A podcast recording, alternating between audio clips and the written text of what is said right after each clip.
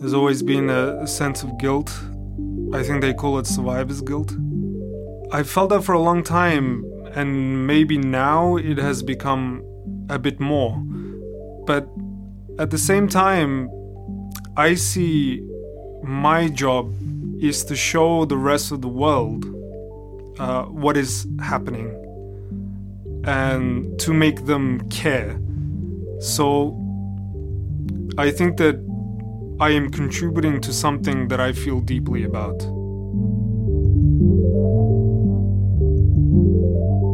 Hi everyone, listening to Nara podcast. My name is Indra Kiršaitė. A week ago, I had a possibility to meet Frud Bezhan, a journalist whose roots are from Kabul, Afghanistan. Now he is a correspondent covering Afghanistan for Radio Free Europe in Prague.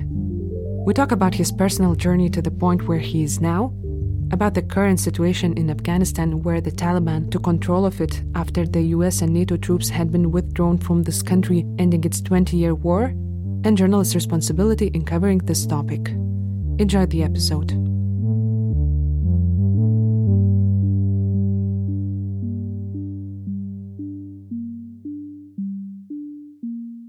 Hi, Frud. Hi. Nice to meet you here in Kaunas. What are you doing here now in Lithuania? Uh, well, my wife is from Lithuania. So we are visiting her parents and our son, who's just over one years old. Uh, this is the first time he's seeing his Lithuanian grandparents. So we are here. Just for a short time, yeah? Just for a short time, yes. Uh, could you tell me a little bit about yourself? You're a journalist at Radio Free Europe, covering Afghanistan topic. The reason why I cover Afghanistan is um, I kind of specialize in that field. Uh, I was born in Afghanistan.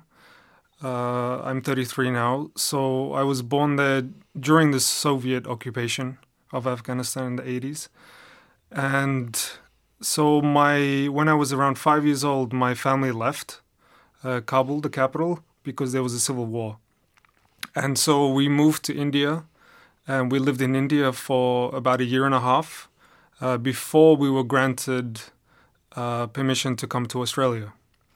Uh, because I had an uncle there who sponsored us. And so in the early 90s, we went to Australia and I grew up there. And basically, 12 years ago, I came to Europe. Uh, I came here on Erasmus and I lived in Holland and Denmark and then finally in Prague. And I've been in, living in Prague and working for Radio Free Europe for about 10 years now. What memories do you have from that five years period in Afghanistan? You know, this is a very uh, interesting question because it's something that I've thought about a lot. Um, I've even done some research into, you know, how memory works, because on the one hand, I feel like there are pieces or snippets of memory that are from that time, but I don't know if they're real or it's my imagination. Um, and I also know that because during this time, uh, just before we left, uh, Kabul was basically being bombarded by rockets. So, Kabul uh, is a city that is surrounded by mountains. And uh, those who were fighting, there was various groups, and all of them were basically on these mountain tops. And they were firing at each other, but a lot of their rockets were landing in the city and no one knew where they would land. They would land in a house, on a bus, on a supermarket, on a residential building. It could be anywhere. So, for a few months before I left Afghanistan, we were living a lot in our basement.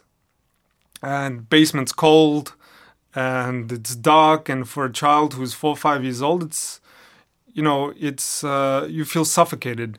So my mother, who's a doctor, also tells me that a lot of the memories that I might have had from then uh, are probably, um, you know, compressed or my mind has to- has purposely forgotten it because it was traumatic. How often did you go later uh, to Afghanistan? So the first time I went back was in 2009. Uh, 2009, I became well. I was still living in Australia, and I became a freelance journalist.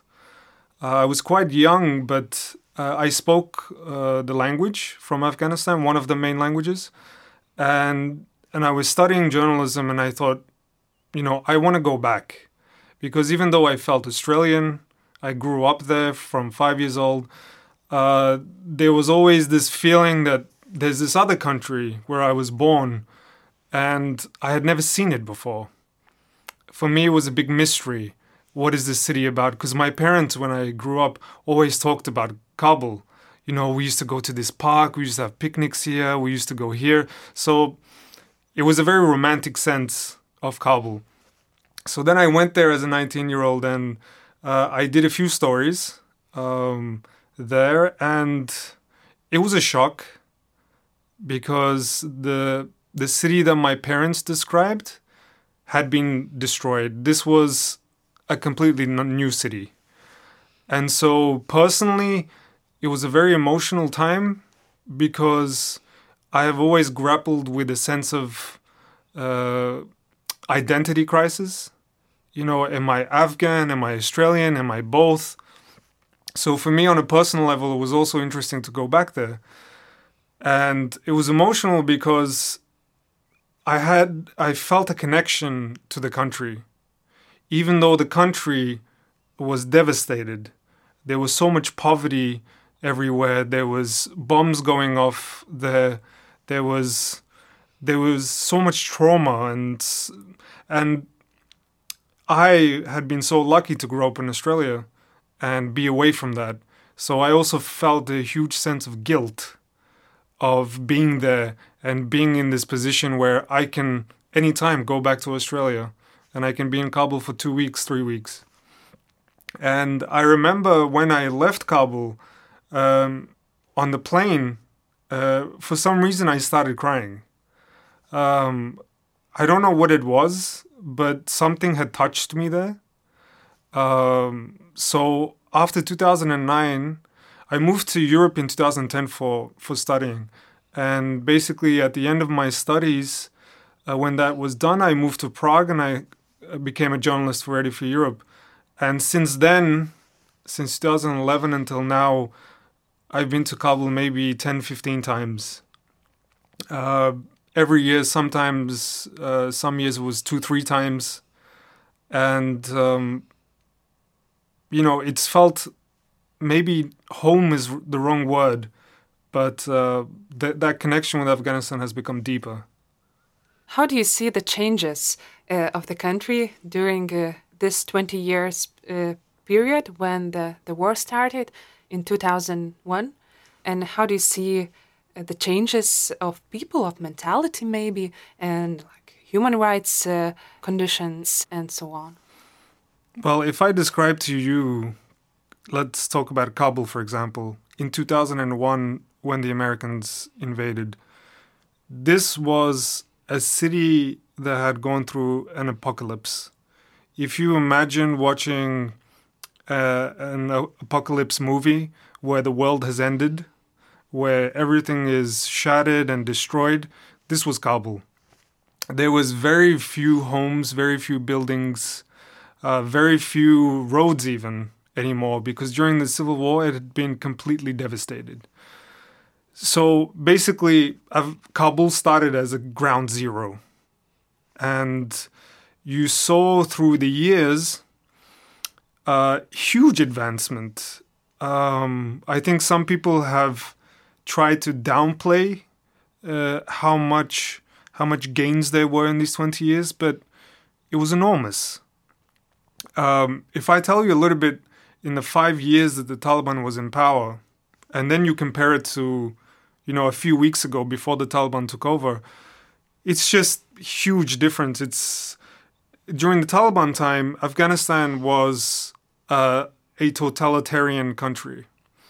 Uh, it was a police state. It was run by the Taliban, which is an extremist Islamist group. And when they came to power, they changed everything. Afghanistan had never seen anything like this before. Uh, they controlled every aspect of life. For, if we just talk about women, for example, women uh, when my mother grew up, my mom studied medicine. She went to university. She even stu- she even traveled to the Soviet Union. Um, then you have my parents' generation, and then just you know a few years later or t- 15 years later, you had suddenly the Taliban not allowing women to leave their homes without a male member of their family. Uh, basically, girls' education was eradicated. Uh, there were some cases where girls could go to school until grade six, uh, until they were about 12 years old. In other cases, it was grade three. In in many places, there was no school for girls at all. And for men, men had men were forced to grow beards, were forced to uh, go to the mosque to pray. So there was basically no individual freedoms. Uh, and suddenly, from that era, you went to an era where democracy was introduced. And it was a very destabilized and weak democracy because there was corruption. Um, a lot of people with human rights abuses came back to power uh, in Afghanistan. It was imperfect. It was very, very far from perfect. But it was a democracy. Uh, people could vote, uh, people could protest, women could work as they wanted, girls could go to school. Um, in terms of health, uh, there was a, a huge improvement. Uh, you know, Afghans on average were dying at 47 years old uh, before 2001, and suddenly it jumped 10, 15 years. So life expectancy went high.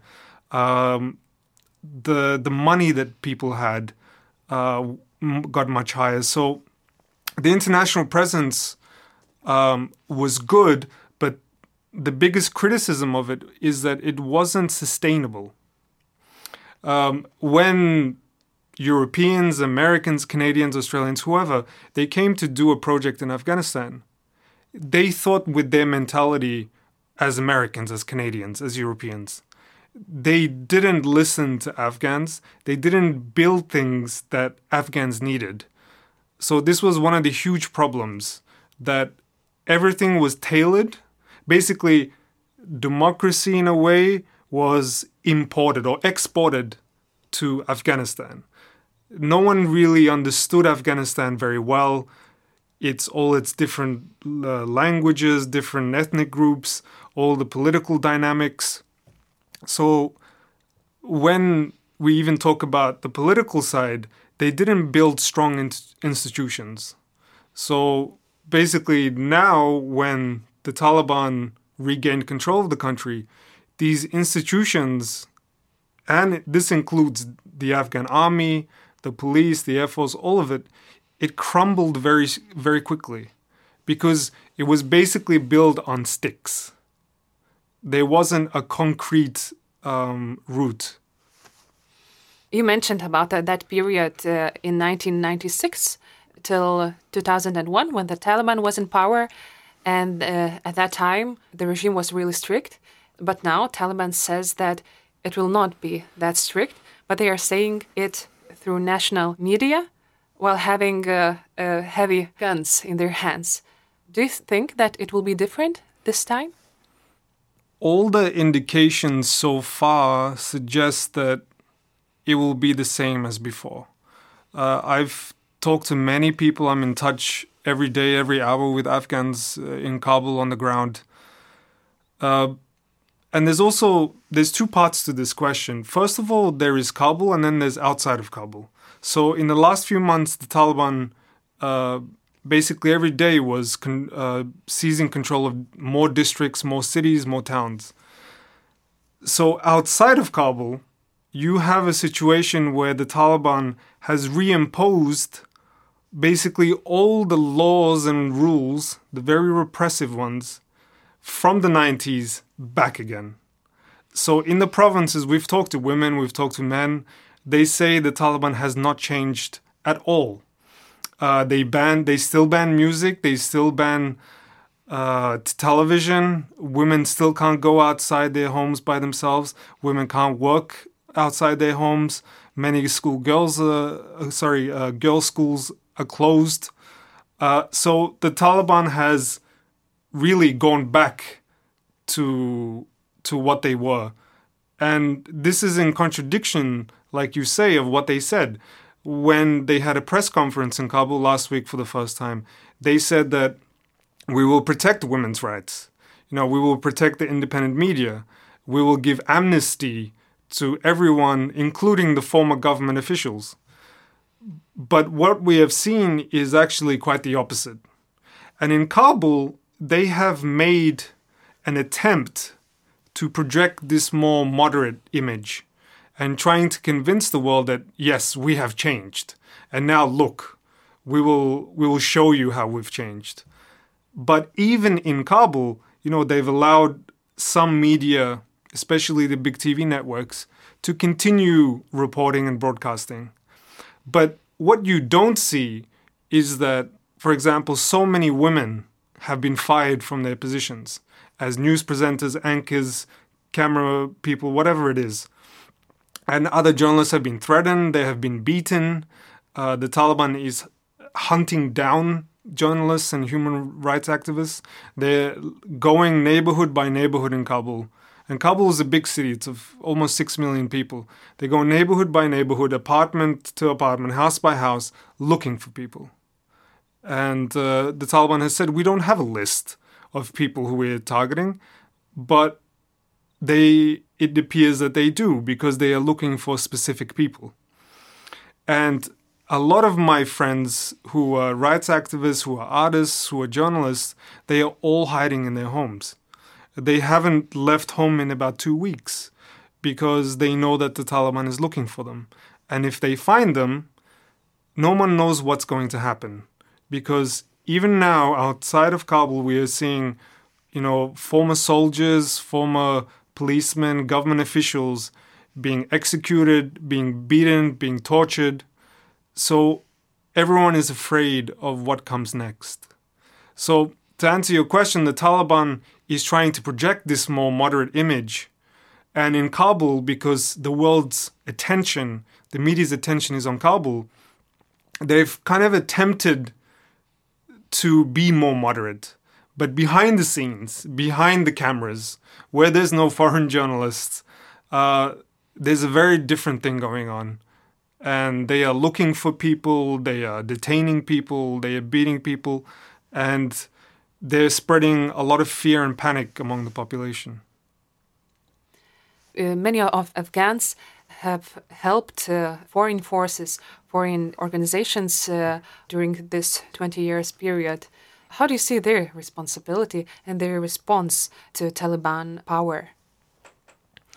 Well, a lot of European countries, the United States, other countries that had soldiers uh, in Afghanistan and helped Afghanistan, uh, they all said that we have a moral obligation to help Afghans who helped us, because those Afghans risked their lives. Uh, for example, the Afghan interpreters in Ghor province, where Lithuanian uh, forces were, those young men uh, and women, maybe sometimes, but mostly men, they risked their lives because the Taliban has told Afghans who work for foreign troops that you are spies and that we will kill you. And in the past 20 years, uh, so many have been killed. We are talking about hundreds that the Taliban has found and killed. So the, those people are in extreme are in extreme danger, and uh, a lot of the international community says that we have a responsibility uh, to help. But what it seems like now, because the evacuation has been so chaotic, is that so many Afghans who did help international forces, who risked their lives, will remain in a country that is still run by the Taliban. Thousands will get out, but even more will be left behind. Uh, some countries, like Lithuania, for example, have had a smaller number of Afghan employees. So for them, it is much easier to take out 50 people or 200 people or 500 people. The United States, as just one example because it's the biggest, had employed 250,000 Afghans uh, in the last uh, 20 years. And right now, only about 60 to 70,000 of them have been evacuated. So you're talking about 180,000 Ameri- uh, Afghans who worked for just only the Americans that will be left behind. And not all of them will be killed by the Taliban. You know, some of them will be beaten, some of them will not even be, um, you know, face any retribution, but some will. Some will be tortured, some will be beaten, some will be killed. And this is the, the fate that the United States and other countries have left them to because the evacuations have been extremely chaotic, as you've seen, as we've seen on screens on TV around the world. Um, and there's been poor coordination, poor planning. Um, the Taliban has also not let Afghans um, go to the airport. Because what happened at the airport such a devastating scenes that we're seeing there is that as soon as the Taliban took over Kabul, and before I said it, Kabul is a city of six million people. Tens of thousands of those people have worked for NATO and the US. So there's a lot of pe- people who whose lives are at risk. So as soon as the Taliban came and encircled Kabul, this huge panic came. And people without passports, without visas, without anything, they all just fled towards the airport because they feared the Taliban. So then you had thousands of Afghans without anything, any paperwork going to the different gates trying to get into Kabul airport. Because in Kabul airport, there was still American, British, and European troops. So they felt that they could have safety there. And then you had those people, and then you had other people, also in the thousands, who do have visas to go to America, to go to Europe, and whose lives were even in more risk because you know they worked for uh, international troops or they worked for foreign organizations or they were journalists or human rights activists. So the problem you see now is that because these desperate afghans without any travel documents are there those people who do have visas can't get to the airport. And it's a very chaotic and also very dangerous scene there because the Taliban is shooting at people. Uh, they are beating people with sticks, with clubs, with whips. Uh, you also have foreign troops who are also armed. Uh, they are firing in the air, trying to make people leave the area, but they are not. Um, and we've had reports of children being crushed to death because there's so many people. And if a child falls on the ground, you know, we've had so many cases of little girls, little boys, babies being crushed. And this scenario has made it even harder for foreign countries to evacuate uh, their own employees, but also Afghans who help them. So there will be many Afghans uh, left behind, unfortunately.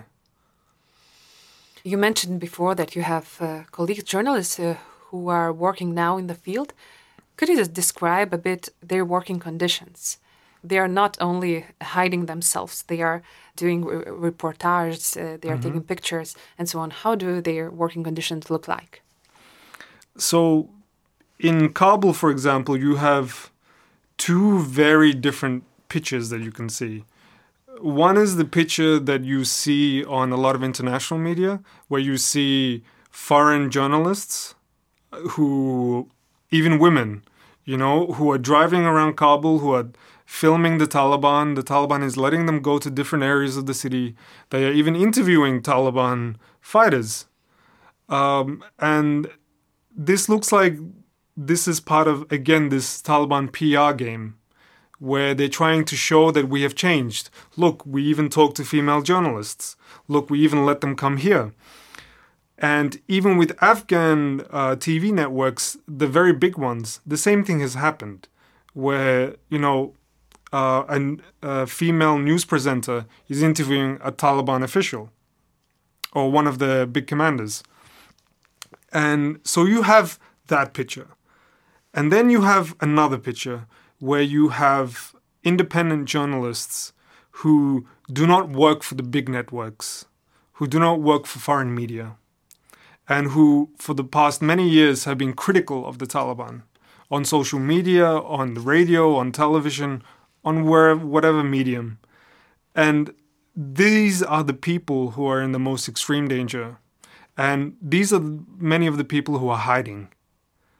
Because uh, if they worked for Al Jazeera, if they worked for CNN, it would be very different. But most of them worked for just local media. And this is why they are afraid because there is there is no one that is supporting them from outside. Uh, I have one friend, and I have been talking to him since the Taliban took control of Kabul, and he said that, you know, I don't have anyone. I didn't work for a foreign organization. No one is helping me to get out, even though I'm in danger. But no one is helping me to get out. Um, he's in hiding. He's in a safe house uh, uh, in no one knows where in Kabul with his wife and two young kids. And uh, he doesn't know what to do because he says in, from Kabul there's no longer commercial flights anywhere. There's only military evacuations. Uh, he cannot get a US visa or a European visa. Uh, and he says, I can't fly to some neighboring country like India or Tajikistan, somewhere like that. And he's stuck and he was a very prominent voice against the Taliban as a journalist, um, and he was local. And I asked him, "How does it feel to be in a city where the Taliban is looking for him?" And he said that I'm not even scared. I'm I'm scared, but what I am missing the most, or what breaks my heart the most, is that it has forced me to be silent because he can no longer be on social media now. He has cleaned his social media, his Facebook, his Twitter, his everything, so there is no evidence against him. And not just him, but many journalists have done this. They've deleted their Facebooks, their you know Instagrams, everything like that, because you know the evidence on there can be used against them. So he said that more than fearing for his life, he's heartbroken because he's silent and he has to be silent because in the last 20 years you know despite there being bombings there was violence there was a lot wrong but still as afghans you could raise your voice. As a journalist you could question anyone. You know you could you could question the taliban you could question the government. And i think his words really it really stuck with me because it showed the gains that were made, the progress that was made, and now they're slowly and slowly being reversed. You mentioned before that uh, Taliban is using some of the media outlets for their PR uh, campaign. Do you think uh, that there is enough like critical international media? Do they enough critically look to the situation in Afghanistan? I think that foreign media need to do a better job at looking at not what the Taliban say, but what the Taliban do. Because a lot of attention has been given to, oh look, the Taliban says we will protect women's rights. Or the you know, the Taliban says this, the Taliban says that. And it makes headlines. And this is what the Taliban, in a way, want because they want people to think they have changed. But what I see that is lacking, and one of the reasons it's lacking, is because many people are no longer talking in Kabul. So if you, if I'm a foreign journalist in Kabul and I want to know what's really the situation for women, you know, can they go to school? Can they do this? Can they do that? it's very difficult for me to interview someone because if I interview someone, that person becomes at risk. Because, you know, I will interview you and you say, well, ever since the Taliban has come, I can't go to school. I can't go to university. I can't go to work because they, they didn't allow me to. But you would be putting your life in danger by saying those things. And it's also important because journalists are showing or saying even that Kabul is looking quite normal. You know, markets are opening, there's traffic, there's people. But what I would say is that in Kabul, what you don't see is more important than what you do see. So, my question for those people is how many girls and women do you see on the streets? Virtually none. How many thousands of people are hiding still in their homes? So many. And how many people are in, you know, safe houses, uh, in protected custody because they fear Taliban retribution? Thousands again. So, the, what the media shows and the scenes that we see in Kabul is very different from the life that is happening away from the cameras. And the international media faces that challenge of people are very afraid to speak out, to tell the truth. And even as I was saying, my journalist friend who wants to speak out, he just can't because he will face consequences. But there are still people in Afghanistan who talk with their names and surnames, mm-hmm. not anonymously.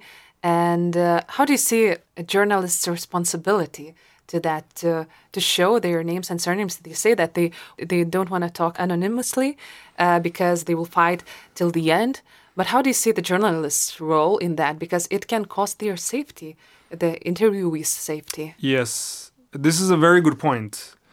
Um, and I've seen, I think one of the best solutions that I have seen, uh, even with TV networks, is that um, you see the person, but their faces are blood.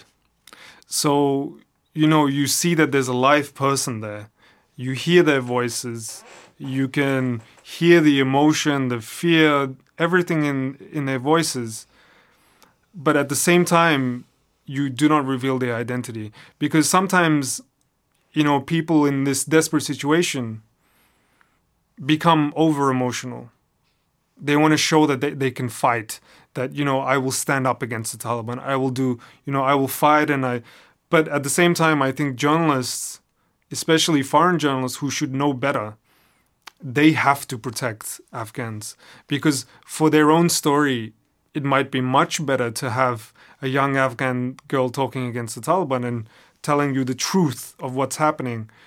But as you mentioned, this puts them in severe risk because these journalists will leave next week or next month or in three months' time. But that girl is never going to leave. And so that girl will always be facing consequences of what she said. It could be now, it could be in three weeks, it could be much later. But they she will likely face the consequences. Do you really think that personal stories can change something and that the uh, talking not anonymously can change something?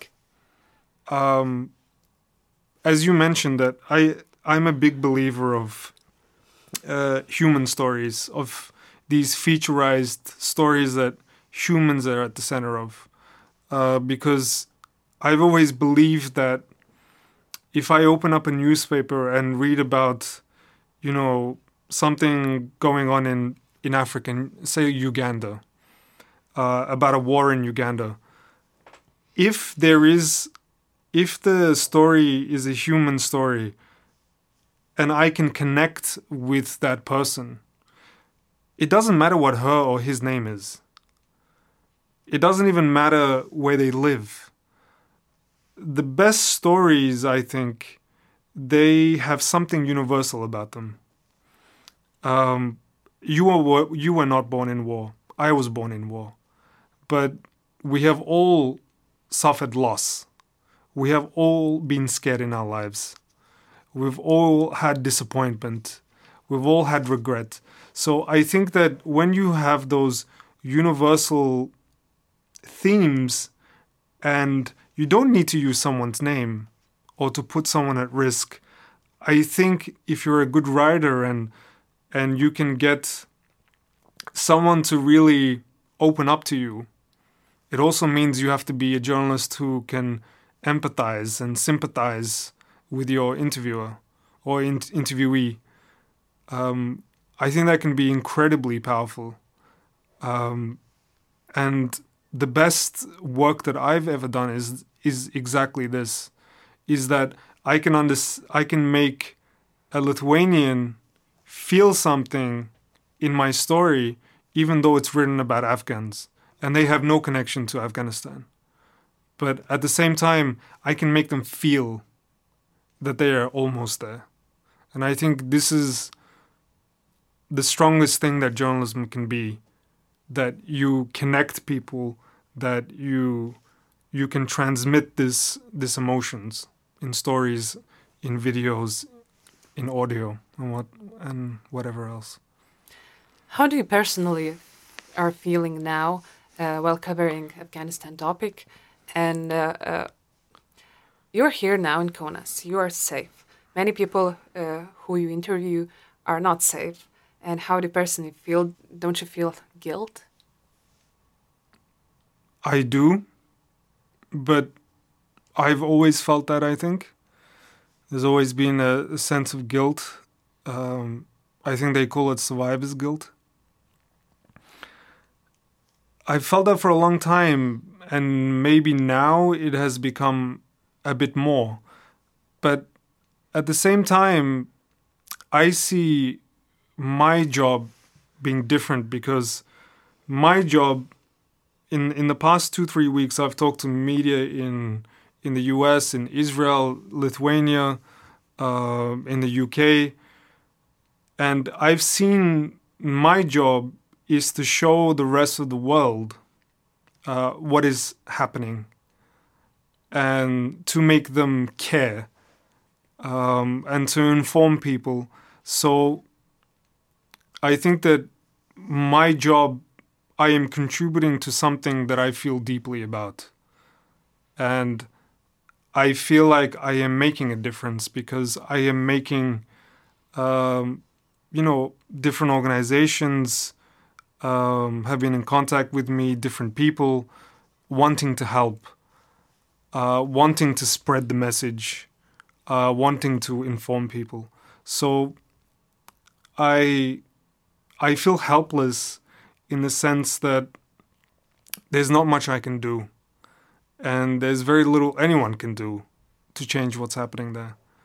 Uh, but I see my job as a journalist uh, that can make a big difference um, because it can inform people, it can change minds, it can change policies, and that's how I see my role. Many people uh, don't know what to do in this situation because that helplessness feeling and powerlessness feeling it causes anxiety. What could you suggest? What just ordinary people could do in this situation? how they could contribute to a better situation in Afghanistan? Talking now, and today is the 26th of August, um, I've seen the last two weeks as the the most important thing. The last two weeks has been uh, to get as many at-risk Afghans out of Afghanistan, so they don't f- they don't suffer the consequences. And so my I have been trying to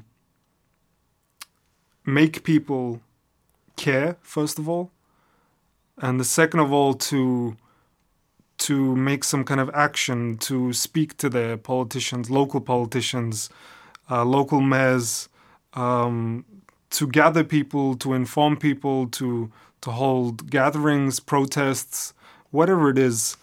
Um, because this situation happened very fast, and I think today it's almost too late to help anyone anymore because the deadline for for the whole evacuations is on the 31st and uh, many countries especially in europe have already ended their ev- evacuations they said we're not going to do it anymore and so even the United States, which has the most people, uh, they will not be evacuating until the 31st.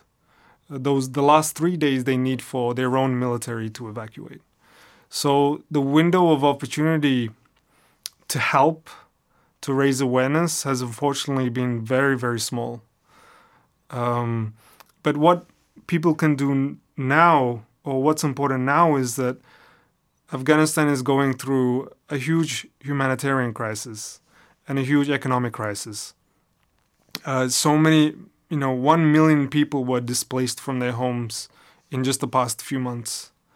Uh, so many people uh, don't have access to food, to water, uh, to medicine, and right now it's important to for the world, the international community, to help Afghans uh, deal with this crisis uh, because they've they've faced war and now they're facing even rising poverty.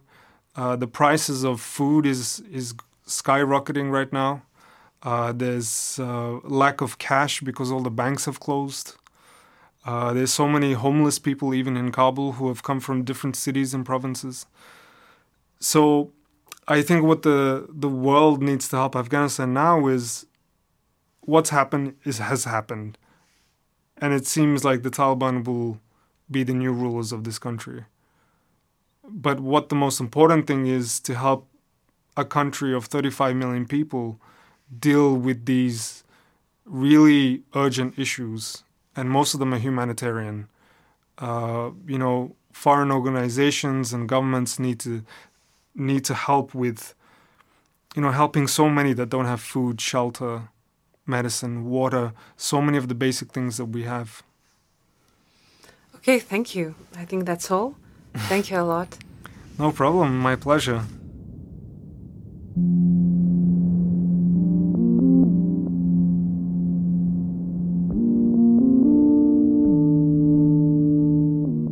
Thank you for listening to this episode of Nara Podcast. We recommend you visit our website nara.lt/en where you can see the photos of Frud Bezhan made by our photographer Severina Venskutė. You can contribute to our journalism at patreon.com slash. It keeps us moving forward. The interview was made by me, Indrė Kiršaitė. Our music composer is Martinas Gailius. We thank Vytautas Magnus University Studio in Kaunas, where we recorded this interview, and its sound engineer Matas Jančauskas. We also thank Martynas Mažvydas National Library of Lithuania, where I recorded my voiceover, and sound engineer Kata Bitoft. See you next time.